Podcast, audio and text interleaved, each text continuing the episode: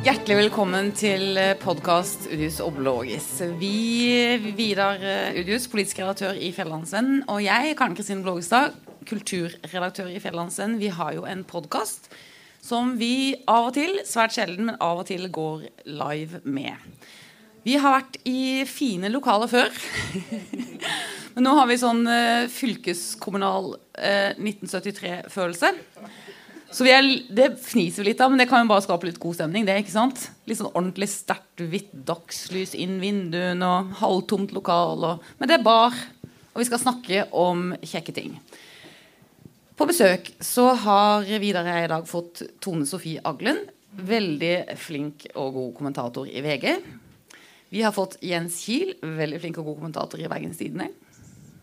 Og vi har fått Arne Jensen, generalsekretær i Redaktørforeningen, på besøk. Gi de en applaus. Vel, veldig flink og god generalsekretær.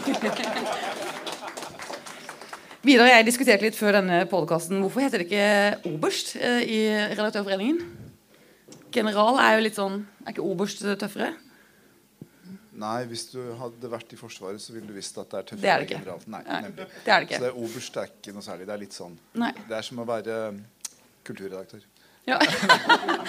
Men Vidar sa at du må huske på, ikke, du må huske på å kalle han generalsekretær, og ikke glemme general. sånn at du kaller han sekretær. At det ble litt uh... Nei, men jeg skal si den ting at De første eh, generalsekretærene i Norsk redaktørforening de hadde tittelen sekretær. Eh, så jeg tror det var først Jeg tar et lite forbehold, men jeg tror det var først når man hadde heltidsansatt sekretær, at det ble kalt generalsekretær. Så de første har tittelen sekretær eh, historisk. Veldig god start på podkasten, Blågestad. Vi er jo midt inne i puddingen. Ja. men jeg må, jeg må arrestere deg på, så må jeg arrestere deg på én ting. da, Siden du sa at du hadde fylkeskommunal følelse fra 1973, men fylkeskommunen ble opprettet i 1975. Ja, det okay. Dette var en dårlig start. Skal vi ta det om igjen? men eh, jeg vil si, for jeg kommer jo egentlig mest fra målrørsla. Og der, hvis du er den som er sjefen på kontoret i Noregs Mållag, så heter du i dag daglig leder. Men i veldig mange år var det jo sånn at man hadde altså alle sekretærene var da skriver, skrivarer. Og så hadde den som var sjefen, var storskriver. Og det syns jeg er litt flott. For det ser liksom, jeg tenker litt sånn som julenissen som sitter oppe liksom storskriveren, og så løper alle sånn småskriverne rundt og ordner med ting. da Så det har du vurdert storskriver eh, på et tidspunkt? Ikke, ikke før nå, men jeg, du satte meg på noe. Ja. ja. Vi slipper ikke den debatten ennå. Dette var jo også rett i puddingen. Eh, ja, ja, ja, ja, Det er tidenes åpning på en podkast. Ja, ja, ja. Eh, det blir bedre nå, for nå skal vi snakke litt om det temaet vi fikk et innspill på å snakke om, og det var pølsefester i Oslo. Og det er jo et stykke vei fra her vi sitter nå, til de glamorøse, kjendistunge pølsefestene i Oslo, hvor eh, lobbyister, politikere, eh, kommunikasjonsrådgivere og journalister eh, møtes og mingles. Vi skal snakke litt om det, og så skal vi eh, trekke linjene litt videre og bredere enn det for å diskutere en sånn litt større sentrum-periferi et sentrum-periferi-perspektiv, og om Ring 3-bobla, snakkeklassen i Oslo, om de er med på å sementere en litt polarisert politisk debatt i Norge. Det var vel ikke så verst, Vidar. Etter fire minutter så kan vi kanskje gå i gang med det òg. Ja. ja.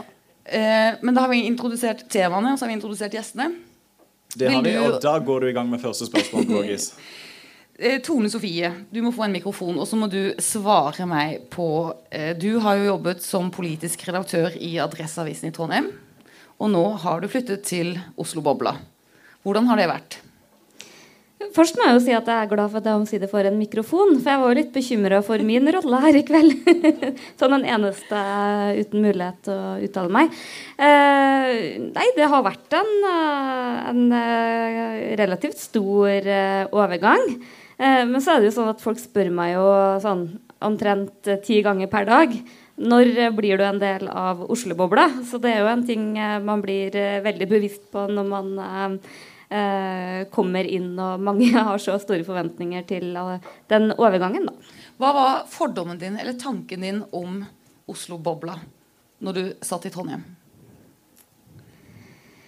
Jeg vet ikke om jeg har hatt så veldig mye fordommer om det, men uh, jeg ser i hvert fall at det er en del forskjeller. Og det ene som jeg tror man ikke tenker veldig mye over når man bor i, sentralt i Oslo, jobber sentralt i Oslo, det er hvor mye nærmere man er makta og alt det som skjer. Det er nesten litt som å være på Arendalsuka, hvor du går 100 meter, og så snubler du over tre statsråder og eh, litt direktører og stortingsrepresentanter. Og, sånn. eh, I Trondheim så er det liksom sånn eh, Hvis du ser Erna Solberg på gata, eller eh, en kjendis for den del, så er liksom det litt sånn uh, noe som blir lagt merke til. Mens uh, i Oslo så, så, tror jeg ikke man helt tenker over hvor, hvor tett man uh, i pressen er på både beslutninger og veldig mye av det som skjer. da, Og kanskje tar det veldig for gitt. Men hvordan påvirker det journalistikken da, tenker du, Tone?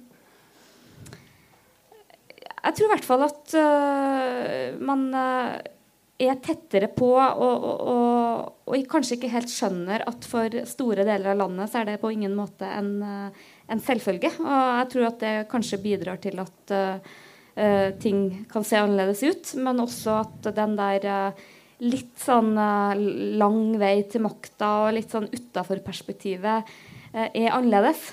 Fordi det ser veldig annerledes ut. og jeg har jo drevet og, og lagd meg en sånn liten liste over ting som kjennetegner eh, Oslo-bobla.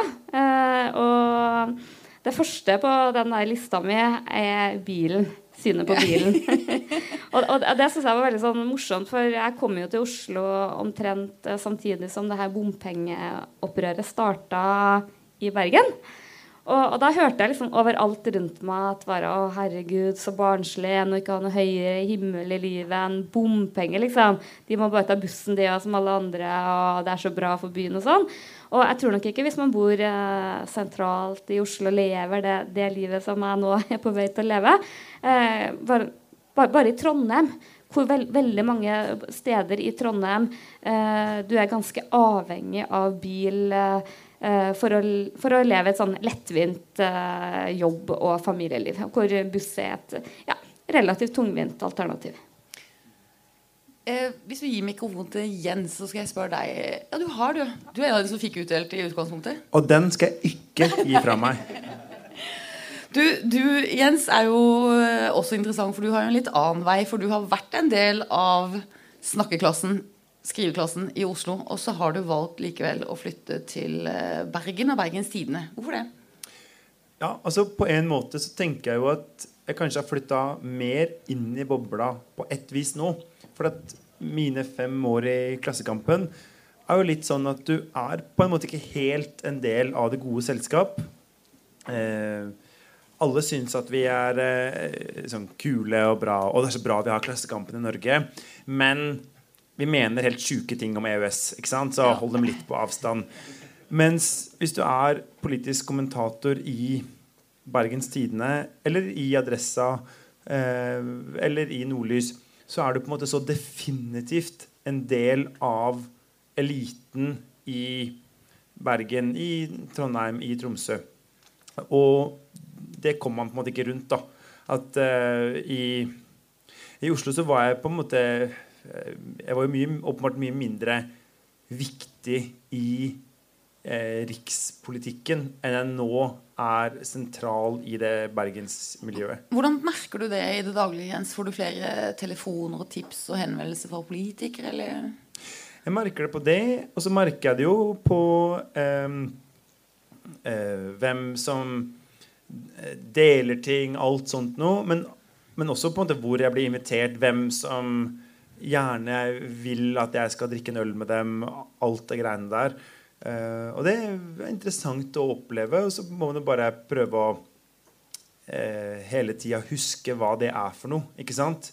At man hele tida husker på at det er jo ikke fordi at jeg er interessert i deg på, som, liksom, på en flekk. Det er jo fordi Tenker du på meg nå? Eller meg?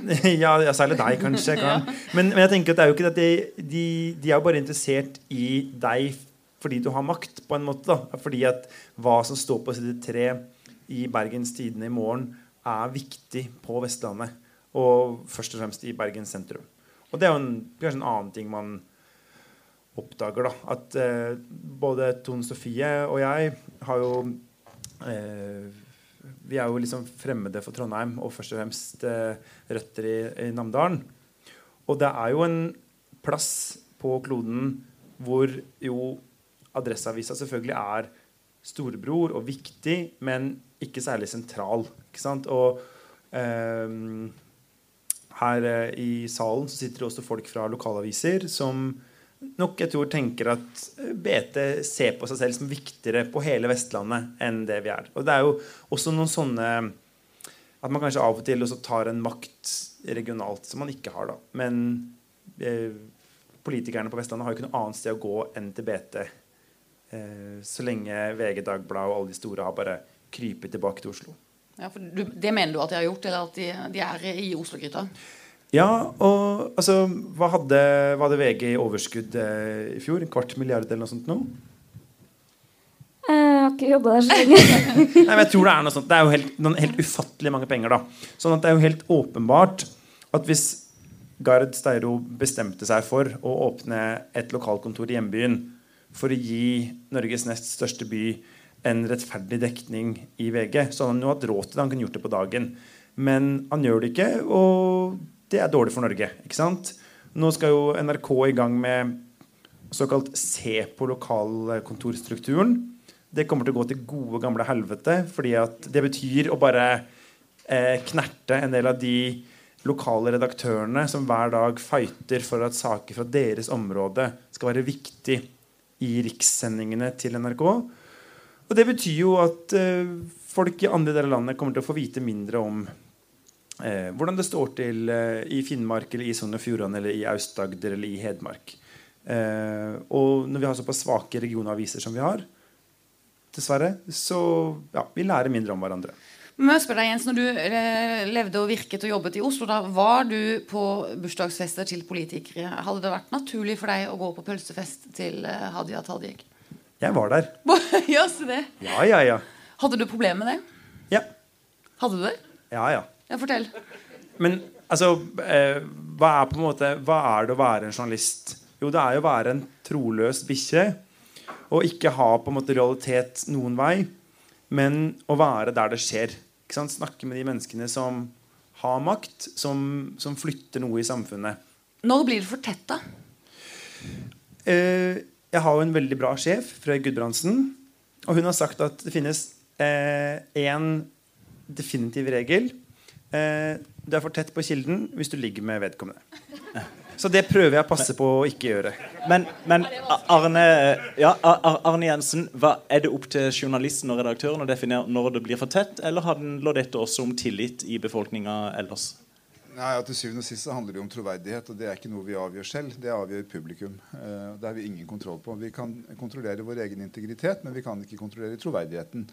Og så har jeg lyst til å si at hvis du, hvis du har Jeg ble spurt en gang om det var en debatt om, om denne pølsefesten og, og, det at de ble tatt bilder av på vei inn eh, til den. For det var jo, Nettavisen var jo der og, og dokumenterte hvem som kom. Det, og Da sa jeg at hvis du har et problem med å bli fotografert på vei inn på pølsefesten, så har du et problem. Eh, og det handler om at du må jo eh, du sier at du vil være en, en eh, troløs bikkje, det er fint, men du må også være tydelig både for deg selv og for andre så langt det går, på hvilken rolle du har. Noen var på den pølsefesten fordi de var gode venner eh, enten av eh, Christian Skar eller Hadia Tajik. Og er du, er du personlig venn med Christian Skar, så er det naturlig at du er på den festen. Men da er du der som personlig venn av Christian Skar. Går du der fordi at Kristian Skar og eller Hadia Tajik syns det er fint å få med noen politiske kommentatorer og journalister som de kan prøve å påvirke eh, inn i sin, eh, eller dra inn i sin krets for å utnytte det, ja, da må du tenke deg om. Hvilken rolle har jeg da? Kan jeg bruke det jeg får opplyst, eh, blir informert om på denne festen, journalistisk, eller kan jeg ikke det? Ja, er jeg her som kan- journalist? Ja, kan du, eller kan du ikke det? Nei, Det er helt avhengig av hvilken rolle du er i. Men hvis du går dit i kraft av å være journalist og kommentator og ikke kan bruke noe av det du hører der, så må du i hvert fall være tydelig det må være tydelig for deg selv og det må være tydelig for omgivelsene. Altså, Hvorfor er du der? Og det tror jeg var eh, Vet jeg ikke, men jeg tror kanskje ikke alle hadde det helt klart for seg. Og, noe, og, så, og så kommer det neste spørsmålet da. Eh, ja, hvis du skal bruke det For dette handler om kildepleie. ikke sant? Hvis du skal bruke det, eh, hva, er, hva er premissene for de samtalene som foregår på en sånn fest? Skjønner folk at når Tone Sofie Aglen snakker med dem om de interne forhold i Senterpartiet, så er det noe som hun kommer til å bruke i sin kommentatorvirksomhet? Eller skjønner de ikke det? Og, og Tone Sofie, når du, og du har jo i åpenhetens navn en fortid i Senterpartiet. Du òg. Vidar? Eh, Men, OK. Ja, eh, vi har, ja det, det har vi rett og slett. Men, eh, men eh, er, du, er du på mye sånne fester, selskapeligheter, hvor du føler det blir vanskelig å på en måte holde grensa? Hva kan jeg bruke, hva kan jeg ikke bruke? Ehm, ja, jeg er mye på fester og selskapsleder. Ehm, jeg syns det er ikke vanskelig å vite hvor jeg setter den grensa. Ehm, for jeg har jeg, jeg tror ikke på den, der, den venneløse journalisten eller kommentatoren. Og jeg har jo eh, personlige venner i Trondheim. Eh, en veldig god venninne som sitter i bystyret. Eh, såpass perifer at det liksom aldri vært noe problem eh, for meg at jeg ikke kan skrive om henne. For det, det har aldri vært naturlig. Kommer eh, En nokså svak politiker, da, med. Nei, nei, men så- sånn er det jo i, Ja. i, i mindre, på mindre steder. At man, uh, man kjenner noe Det ikke så veldig, skal ikke så veldig mye til å kjenne noen som sitter i kommunestyret. Men det ville vært helt unaturlig for meg å, å skrive noe som uh, angår henne. Eh, men det, som jeg har vært veldig opptatt av, er for det første åpenhet. Det, det, det er sånn um, Jeg kan godt, uh, selv om det kanskje kan være litt ekkelt, bli tatt bilde av og at jeg er sammen med henne og, og på Facebook. Det er liksom, jeg, jeg, har sitert Arne ganske mye på det, det sitatet hans på om, uh, om du synes at det er litt sånn ubekvemt uh, å bli tatt bilde av, eller uh, bli identifisert. uh, for det syns jeg er et veldig sånn godt bilde. Eh, også, de, aller fleste anledninger som jeg er på, eh, er jeg som, som en jobbperson. Eh, jeg bruker på en måte det meste jeg hører og ser og observerer i jobben min. Eh, og jeg tror at jeg blir en bedre kommentator av å være mest mulig til stede på ting. Og jeg har overhodet ikke noe sånn eh, eh, grense for at det kun skal skje i arbeidstida, eller det kan ikke være alkohol involvert. Jeg kommer nettopp fra et sånn nettverksarrangement som NTNU har eh, her i Arendal. Og særlig sånne hvor du møter folk fra næringslivet som ikke er så lett å komme i kontakt med, syns jeg er kjempeviktig. Eh, og så kanskje en liten refleksjon er at eh, jeg har inntrykk av at eh, i Oslo at man kanskje har en en litt mer sånn perifer forståelse av nettverk, hvor man f.eks. kan finne på å feire en bursdag og invitere litt sånn kreti og pleti av politikere og journalister, som jeg, jeg tror at det er lite kultur for uh, uh, kanskje andre steder. Ville du gått i den bursdagen? Eh, Jeg ble faktisk invitert til den bursdagen. og det syns jeg var veldig rart, for jeg kjenner ingen av dem. Og annet enn at jeg har sagt hei og god jul. Jeg har sikkert ikke sagt det heller, men eh, ekstremt overfladisk. Eh, og, og jeg tolka det sånn at, eh, at det var et nettverkstreff, ettersom de hadde invitert meg. Tenkte Her var det mange spennende mennesker. Hadde jeg vært i Oslo den dagen, så skulle jeg jo meg ikke sett bort fra at jeg hadde dukka opp der. Men, men det var ikke ut fra en vennskapsrelasjon, så Nei, nei, altså, jo Norge vi er jo et veldig lite og veldig hyggelig og ekstremt inhabilt land. Eh, fordi at Vi surrer jo rundt hverandre i, i ulike settinger, og, og, og det er krevende øvelser. Og så mener jeg jo definitivt ikke at journalister og redaktører skal være venneløse, eller at vi ikke skal, skal opptre i sammenhenger hvor vi også møter kilder i litt mer uformelle settinger, hvor det åpnes en øl eh, og det snakkes om litt andre ting enn akkurat det som skal formidles videre. Vi må bare være klare på hvor Hvorfor er jeg der? Hvem er det jeg møter? Hvorfor møter jeg disse menneskene? Og hva er premissene for de samtalene som skjer? Og Det er krevende øvelser, og de er vel så krevende, eller egentlig mer krevende, ute i lokalsamfunnene hvor forbindelsene er flere og tettere enn de er i Oslo. Og så har jeg lyst til å si en ting til, som du, for du sa at du oppfattet deg ikke som en del av eliten når du var i Klassekampen. Eh, nei, ikke som en del av eliten i, altså i Oslo, Hvis du tar Oslo, så var du kanskje ikke en del av eliten sett i et Oslo-perspektiv.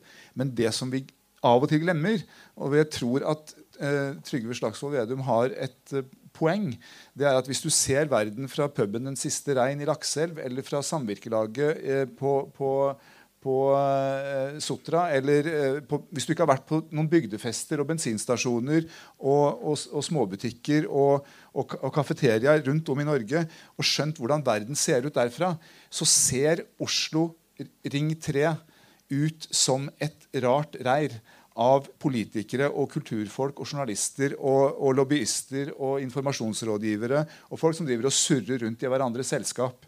Uh, og Det er derfor vi ikke forstår hvorfor enkelte partier gjør det. Hvorfor er MDG helt fraværende på by? De er et byparti.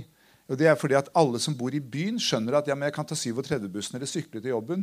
Men det kan du ikke hvis du, hvis du jobber i, i Porsanger kommune og bor ute på Kjæs. For det går buss én gang hver tredje time. Så, den forståelsen av hvordan Norge virker, den får du ikke ved å oppholde deg innenfor det systemet som jeg og flere av, av, surrer innenfor til daglig. Da må du ut og, og lære Norge å kjenne. Tonsvi, du har en replikk til den? Ja, jeg tror det er nettopp det som er hovedpoenget. For jeg syns det er litt sånn feilspor å tro at det er de her pølsefestene og de båndene her som er problemet. Uh, jeg tror hovedproblemet er at uh, det å henge rundt, rundt her, da det er så, Du møter så mange spennende folk. Det, det er evig nok å leve livet sitt der. Så tror jeg at hvis du tror at det er sånn verden ser ut, og jeg tror kanskje det er den største trusselen mot oss som journalister. er At vi møter for mye folk som er for like oss sjøl, og tror liksom at, at, det er det som er verden. Og det er det som jeg tror liksom er den virkelige trusselen for oss. Som, uh, og det å virkelig forstå folk og hva folk er opptatt av. Men Vi var jo på et arrangement i før i dag Tone Sofie, hvor du bl.a. diskuterte tillitsbarometeret til responsanalyse. Og tilliten til norsk presse Eh, de tradisjonelle mediehusene er jo veldig lav. Vi har ikke noe å gå på. Jeg syns dere snakker litt sånn litt for lett om dette. Er det ikke Nei, den, er, jo ikke veldig lav, den er veldig høy. Men for lav? Vi kan ikke være fornøyd med at den er 55% eller hva den er for noe? Nei, men vi har mange tillitsmålinger som viser at tilliten blant vanlige mennesker til tradisjonelle nyhetsmedier i Norge den er meget høy. Eh, og, og, og responsanalysen sin er ikke den eneste. Eh, så, og så kan du si at vi, må, vi skal ikke slappe av på det, fordi vi må passe oss litt. Men det som er oppsiktsvekkende med, dagens, med den presentasjonen av Responsanalyse sin eh, måling i dag, det var jo at det var nesten ikke forskjell på eh, vurderingen av viktighet av tradisjonelle nyhetsmedier på de som var under, og de som var over 30 år. Eh, og Bruken av sosiale medier var selvfølgelig helt annerledes over og under 30 år. Men når det kom til hvor henter du de viktige tingene fra, så var det nesten ikke forskjell. Det er en ek, helt overraskende for min del, eh, for det hadde jeg ikke trodd. Så, så eh, jeg aksepterer ikke premisset om at tilliten er så lav til norske eh, nyhetsmedier. Den er ganske høy. Og i et europeisk eller et globalt perspektiv så er den eksepsjonelt høy. En anekdote som ikke har noe direkte med det å gjøre, men Kanskje et symptom på at en tilhører eliten, det er når en har, legger mikrofonen sånn som Tone Sofie her gjør. Da har du vært med i mange debatter når du er kald nok til å legge mikrofonen der ned. Ja. Hva, hva, hva det er for at jeg skal dele den med deg. Ja, ja. Jens, Jens hva, hva, tenker du det, hvordan opplever du tilliten til BT i ditt eh, lokale, regionale miljø? Ekstremt høy. Ja, ja, ja. Altså, Høy, høyere enn du opplevde i Klassekampen? I, i Nei, men det er jo forskjellen fordi eh, Klassekampen er jo en bitte liten riksavis. Altså bitte liten, men liksom, det er kanskje den minste på en måte den minste riksavisa som blir regna med i den store gjengen. da. Eh, og da er du en ganske liten fisk i en svær nasjonal dam. Mens BT er jo, er jo bare kjempestore på Vestlandet. Så du er bare en blåhval i et akvarium. ikke sant? Så det er jo helt eh, det, det, er noe helt, helt annet. Eh, og vi er det, er det før eh, gøyere, gøyere å være blåhval i et akvarium enn en uh, liten gypp i, i Blir dårlig til å svømme av det, da. Ja. Står bare stanger i alle glassveggene. Nei, men eh, før påske så var hele redaksjonen vår sendt ut for å snakke med lesere. Så jeg var sendt til eh, kjøpesenteret Vestkanten, som ligger i Loddefjord. Og det er altså ikke på en måte vestkanten som i Oslo. Det er uh, die hard arbeiderklasse. Og folk, alle jeg sto og prata med utafor en sånn uh, Kiwi-butikk der, var jo selvfølgelig rasende på alt de hadde lest i BT. Ikke sant? Eitrende forbanna. Og så spør jeg sånn, ja, hvor mye tid bruker du på å lese eller, Så du leser BT, da? Ja, ja, ja. Ikke sant? Hvor mye tid bruker du? Nei, kanskje en time eller to hver dag. Ikke sant? Altså, og folk, når jeg tenkte at dette er jo dette er åpenbart kødd, så spurte jeg ja, hva, hva, hva skrev vi om i går. Og Da kunne jeg liste opp 15-20 artikler vi hadde på trykk den dagen. Ikke sant? Og det gjentok seg igjen og igjen og igjen. Eh, og med unge og gamle og alt mulig. Og det er ganske ja. interessant, altså. Hvor, På, hvor på hvilken måte? Hva, hva, hva, er på en måte? hva kan en gjøre med det? Eh, altså det, jo, det viser jo hvor utrolig sterkt eh, avisene fremdeles står eh, i Norge. Men over til noe viktigere. Altså, eh, så mener jeg jo at Arne tar feil. fordi den beste puben i Lakselv er jo den som heter Åstedet. Eh, et utrolig elegant navn. Kan jeg få litt det er det- det er- vel- veldig kort, Arne, også, Tone 20 Sofie. Ja, det er ca. 20 år siden jeg var der, så det må jeg bare ta forbehold. Um, det er eh, Nei, vi har jo Da var det, familie, siste, da var det den siste rein. ja, Familien min har jo eh, sommerbeite for reinsdyra rett oppi gata. I rest my case. Eh, ja. Så Men, eh, Tone Sofie, du ba om en replikk på det eh, forrige. Før Ja, regnen. for jeg syns det er litt rart når Jens sitter og snakker om uh, Klassekampen som en sånn ikke-del av eliten. Jeg skjønner at jeg tror ikke ikke jeg sa det. Jeg, tror jeg prøvde å si at BT er mer en del av den regionale eliten enn Klassekampen er en del av den nasjonale eliten. Ja, for da tror jeg vi er liksom på litt sånn ulike nivå, da. Uh, for eh, sånn som jeg oppfatter Klassekampen, i alle disse eh, pølsefestmiljøene, så tror jeg Klassekampen har en særdeles høy status og er viktig. Jeg tror det er kanskje hakket mer eh, lurvete å si at du jobber i eh, Nettavisen eller andre type, eller Resett for den del, er vel ikke en del av eh, det selskapet. Men, eh, men jeg tror det er ganske stor forskjell på å være en del av det der, eh, den der litt sånn der, um, korrektheten som man gjerne vil være en del av. da. Det, det er jeg jo enig i, men jeg ser bare på tilgangen på kilder. ikke sant? Hvordan det nå blir Hvis jeg vil snakke med en statsråd, så blir det liksom rydda plass på en helt annen måte enn da jeg jobba i Klassekampen. At uh, Det er jo en avis det, det er jo en kynisk vurdering for dem at vi har en blå-grønn-gul regjering eh, som står sterkt på Vestlandet. Så det betyr at det å nå frem for dem i Bergens Tidende er mye viktigere enn å nå frem i Klassekampen, f.eks. Så jeg tror det er litt av sida. Og så tenker jeg, jeg vil bare si én ting før jeg slipper ordet til eh, arbeidsgiversida. Eh, at eh, jeg tror også at når folk da sier sånn dere er så lite i kontakt med vanlige folk, og det møter jeg jo hele tida, så er det ganske viktig å minne om hva er min jobb. Jeg er politisk journalist og nå politisk kommentator. Hva betyr det? Det betyr ikke at jeg nødvendigvis skal snakke masse, masse, masse med såkalt vanlige folk. Altså fordi at det jeg blir bedt om, på en måte, er jo å skjønne makta. Selvfølgelig også hvordan den slår ut i vanlige menneskers liv. Men det er jo å ha kilder på innsida av partiene, av arbeidstakerorganisasjonene osv. Så videre. sånn at det blir litt sånn det å på en måte si at eh, politiske journalister burde slutte å snakke med politikere og begynne å snakke med hjemmesykepleiere Det er liksom også en sånn liksom rar ting, da. Samt, samtidig som du jo blir slått av det bildet du møter når du er i Loddefjord og der snakker med i hermetegn vanlige folk og hører det, den opphisselsen over det dere da skriver om. Ja, eller for at man, man, man må jo skjønne måte, Man må jo prøve å skjønne det man får fra politikerne. Men jeg har på en måte aldri tenkt inni meg, selv ikke liksom i det mørkeste innerste av meg, at bompengemotstanderne i Bergen er idioter. For jeg tenker at det er et helt, sånn, et helt vanlig opprør. Jeg kommer fra ytre venstre og har brukt hele ungdomstida på å gå i tog mot alt mulig. Og jeg synes liksom ikke det, er noe, det er ikke noe rart at folk blir sure. Folk burde bli sure når, eh, når det blir dyrere å komme seg til og fra skole, og jobb og trening. Eh, og det tror jeg liksom Det er, det er ikke noe sånn at så Folk har jo masse fordommer mot oss, men vi må jo først og fremst motbevise fordommene gjennom journalistikken. Ikke gjennom å liksom være kule folk. Ja, det er jo lett å være enig i. Hva tenker du, Arne? Nei, for, altså for det første, Arbeidsgiversiden sitter ikke her, den sitter der. Eh, men, eh, men det eh, som heter Mediebedriftenes Landsforening ved Randi Øgrei. Men det er greit. Eh, men, tilbake, men det med tillit, for det var litt interessant det du sa, når at Bergens Tidende har en veldig stor tillit blant, sine, blant sitt publikum. Og da vender jeg tilbake igjen til når du snakker om målinger. fordi at hvilke svar du får, avhenger veldig ofte av hvilke spørsmål du stiller.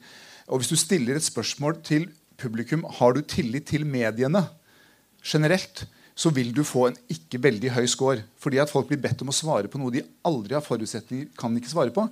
nemlig tillit til en haug med medier de aldri forholder seg til. Skal du ha svar på det spørsmålet, så må du spørre om tillit til medier som folk faktisk kjenner. Ellers så, ellers så blir det helt meningsløst. Og den tilliten, hvis du spør på den måten, så får du veldig høy score eh, blant, eh, blant, eh, norske, blant, den norske befolkning. Og så er spørsmålet hvordan skal vi bevare den tilliten. Og jeg er helt enig med deg. Den må jobbe, den må vi bevare gjennom å jobbe med god journalistikk. Og så må vi jobbe med, med åpenhet rundt både journalistiske prosesser og ikke minst det vi nå er, er et, som er liksom utgangstema, bindinger og, og, habilitetsproblemer og bakenforliggende forhold som publikum bør vite om. Vi bør bli mye flinkere til å fortelle om når det er potensielle eh, bindinger eller vennskap eller kjennskap eller slektskap som publikum bør få greie på for å kunne vurdere journalistikken i lys av det. Det er en del av premissene. Hele metodikken vår og måten vi jobber på, premissene for det, må vi bli mye flinkere til å formidle i den daglige journalistikken.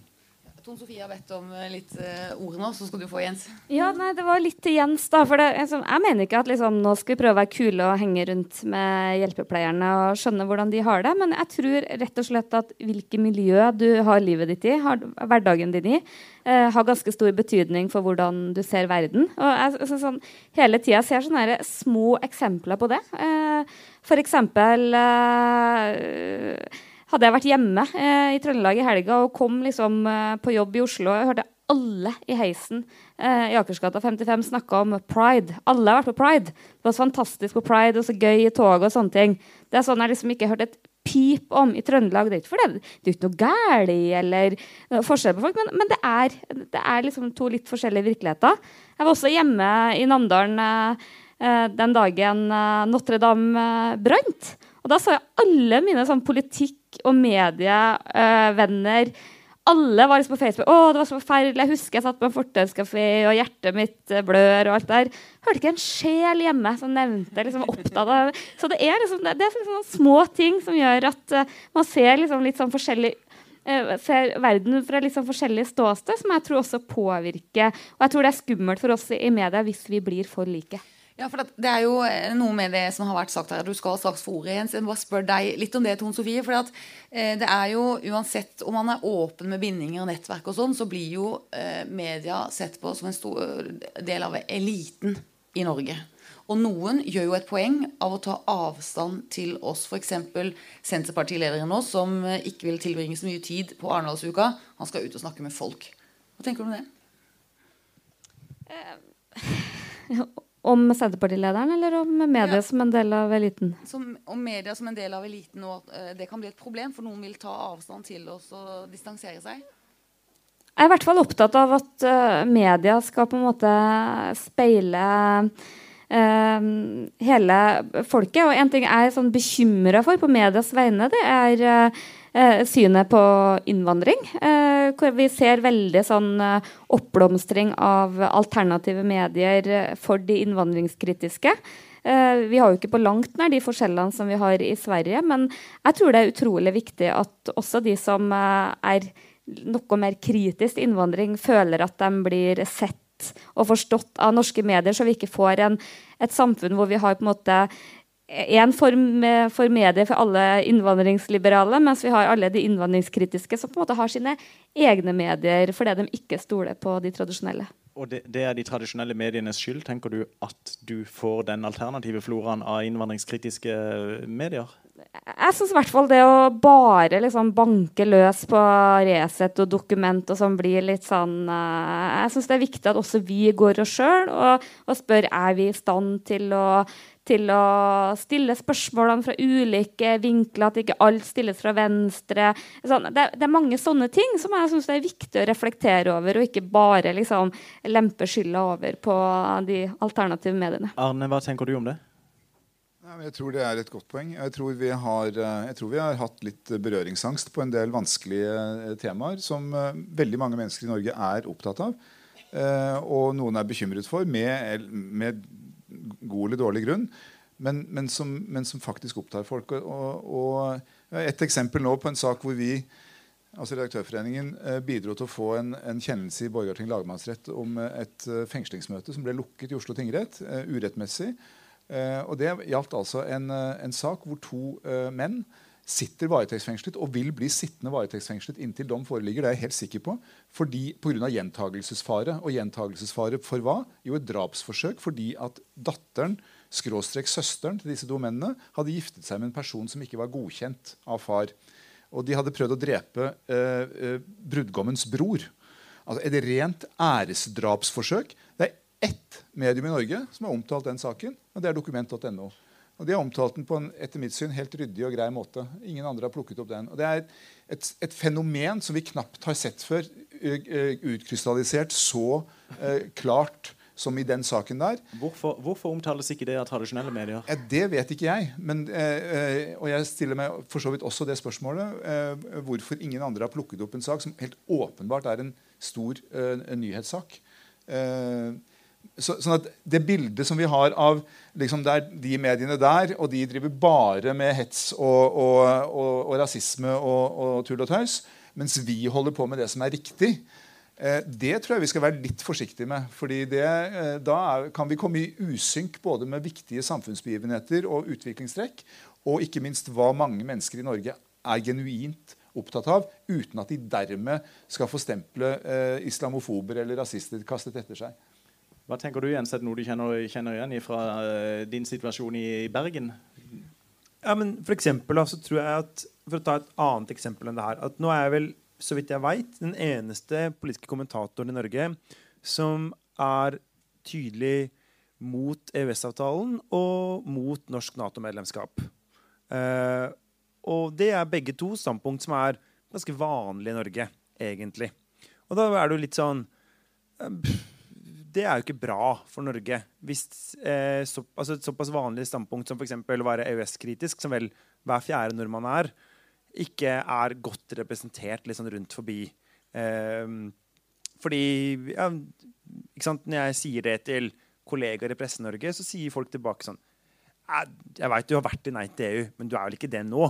Så sånn, jo, vet du hva, jeg syns at det er dårlig for norske arbeidsfolk. Og jeg blir engstelig når jeg ser utviklinga Altså når jeg ser eh, reiser og ser et fiskemottak hvor han som eier fiskemottaket, eh, låser inn 60 eh, litauere fredag kveld og sier dere får ikke komme ut før mandag morgen, for dere får ikke lov til å gå på puben i bygda. Ikke sant? Altså, da har vi på en måte det er, det er, et kollaps av et lokalsamfunn. Hva gjør vi med det? Altså, vi må på en måte snakke om hvor norsk arbeidsliv er på vei. Eh, og sånne ting, da. Jeg tror eh, Vi trenger jo ulike typer stemmer eh, inn hvis det her skal ikke bli helt krise. Vi trenger flere alternative stemmer som taler på vegne av flere strømninger i samfunnet. Jo, men vi må jo alltid leite etter hva er det vi ikke forstår. ikke sant? Altså Så mange folk Det har sikkert du også møtt, Tone Sofie. Folk som sier sånn Du, nå vokser jo, vokser jo, Senterpartiet opp hos dere i Trøndelag eller borte på Vestlandet eller ute på bygdene. Er, er, er, det liksom, er, det helt Trump, på en måte? Og så er det sånn Nei, folk er bare litt De bare syns at denne regionreformen er helt utrolig teit. Og politireformen skjønner de ingenting av. Og kommunereformen skjønner de heller ingenting av. Og det er på en måte bare helt sånn Folk har lest i avisa om strukturreformer. Så gjør de en rasjonell vurdering, og så bytter de parti på bakgrunn av det. Altså rasjonelt handlende velgere som tar stilling i viktige politiske spørsmål. Da er vi langt inn i EØS-avtalen, Blågis. I, I, et mø møtelokale som har fylkeskommunale trekk fra 73. Så festen er i gang. Ja. Du, jeg bare lurte på det, for at, eh, Dere snakker om EØS-avtale og innvandringskritikk. Eh, men også en følelse eh, i distriktene om at det er en elite i Oslo som bestemmer alt, kanskje i anledning kommunereform og regionreform og sånn og sånn. Hva er medias ansvar i det? da? Det er jo ikke bare viktig å reise rundt og snakke med hjelpepleiere, sier du, Tone Sofie. Men hva er, skal være vår jobb i det? Hey, I'm Ryan Reynolds. At Mint Mobile, we like to do the opposite of what Big Wireless does. They charge you a lot, we charge you a little. So naturally, when they announced they'd be raising their prices due to inflation, we decided to deflate our prices due to not hating you. That's right. We're cutting the price of Mint Unlimited from $30 a month to just $15 a month. Give it a try at mintmobile.com slash switch. $45 upfront for three months plus taxes and fees. Promote for new customers for limited time. Unlimited more than 40 gigabytes per month. Slows. Full terms at mintmobile.com.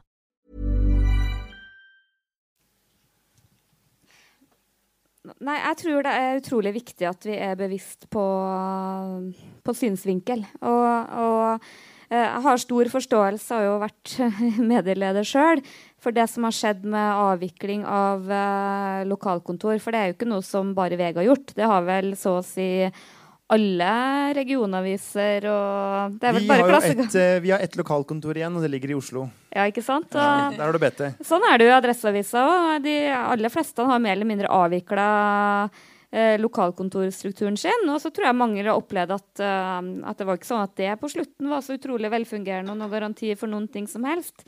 Men det at man har såpass lite tilstedeværelse rundt omkring, eh, det, det tror jeg er en reell utfordring som eh, som eh, mange mediebedrifter bør tenke grundigere over. Disse såkalte blindsonene i Norge hvor det ikke er noe stort presseoppbud. Jeg må spørre deg litt, Jens, for eh, litt sånn avslutningsvis nå. Du, har jo, eller du kommer jo med en litt spesiell bok ganske straks. Det er ikke telefonkatalogen, men noen som ligner litt på NAF-boken. Kanskje? Fortell. Altså, jeg har jo da besøkt alle kommuner i Norge. Og det blakka meg på det. Har brukt alle feriedager og sånn på det i noen år. Ja. Og snakka med masse folk. Og så prøvd da å ikke skrive litt om hver kommune, men jeg har skrevet om en 12-15 kommuner hovedsakelig. Og prøvd å finne ut litt sånn Hva er det som står på spill der ute, og som ikke verken er eh, lar seg løse av på en måte Høyres forslag eller Senterpartiets forslag. Altså, ikke sant? Sånn, kvinneflukten fra norske bygder. Det er, det er ikke sånn at hvis vi bare slår sammen kommunene, så kommer damene tilbake. Eller hvis vi ikke slår dem sammen. Altså, det er et større og mer grunnleggende spørsmål enn det. Men Har du Eh. funnet noe der ute som eh, eliten i Oslo ikke vet om? Eh, jeg tror at det mest interessante i hvert fall for meg med det arbeidet, er jo å se hvor stor del av kanskje egentlig det vi tenker på i dag som velferdsstaten, som har starta som at noen der ute bare har fått en jævla god idé, og så har det på en måte sildra nedover til staten, og i løpet av to år eller 100 år blitt nasjonal politikk. Ikke sant? Om det er kontantstøtte eller barnehage eller hva som helst. Men ikke sant? i dag, hvis vi starta på scratch, så ville vi aldri tenkt ja, brannvesenet. Hva om vi bare organiserer det som et frivillig brannvesen?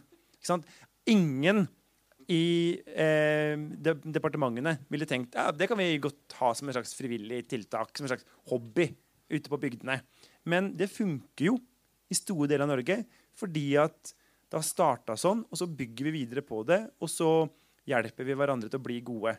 Ikke sant? Jeg hørte akkurat nå eh, at de hadde slitt med i Voss kommune med veldig lav andel damer som var villige til å stille til sånn små og store råd i kommunen. Så da lagde de et slags profesjonelt angiveri, en, en Excel-liste, hvor folk kunne angi hverandre i kommunen hvis de tenkte at hun var litt flink. Eh, og det har funka som bare det. Fordi da blir det litt sånn konkurranse internt, og alle tenker sånn Men grenda vår kan jo ikke stå uten dyktige damer på den lista. Og plutselig så har de ganske mange damer å velge blant. Og når folk først har blitt angitt av et par, så tenker jeg ja, ja, ok, hvis, hvis folk hos meg syns at jeg er flink, så får jeg jo bare stille, da. Ikke sant? Og det ville sikkert ikke funka hvis det kom fra staten, men det er en ganske kul idé, og det er gøy å se da at lokal mobilisering får opp andelen kvinner i råd og utvalg. Og det, det blir litt sånn eh, Det å ikke tro at Norge starter med staten, men det starter med lokalsamfunnet, ja, det tror jeg er ganske sånn sunt å tenke på Norge fra den veien. da. Så det kan jo vi kanskje i media tenke mer på. Jeg fikk så utrolig mye pepper og tyn for denne åpningen min av denne podkasten. Så vet du hva som skal skje nå? Vidar Udjus. Du skal få lov å avslutte den. Tusen takk for det. Og eh, da må vi jo f Dette var en veldig elegant overgang, Blågis. Ja. Nei, men eh, hjertelig takk til, til, til eh, først og fremst dere i panelet som kom. Eh, gode betraktninger på slutten, Jens. Samtidig som vi også er veldig takknemlige for staten. Ikke et vondt ord om staten. Hæ? Ikke et vondt vi, som tilhører, vi som tilhører eliten. Så eh, vi, vi sier takk for laget her nå. De som vil, står fritt til faktisk å være videre i dette lokalet. Eh, drikke videre her, diskutere videre her. Men ellers er det også masse å gjøre og mange å snakke med utover i kvelden og natta her i Arendal. Og så kommer en beskjed bakfra. Skulle jeg si noe, eller er det noen som skal si noe? Nei. Da kan vi avslutte her og nå. På vegne av Udius og Blågis, tusen takk til alle i panelet. Tusen takk til alle som kom. Ha en fin kveld. Takk.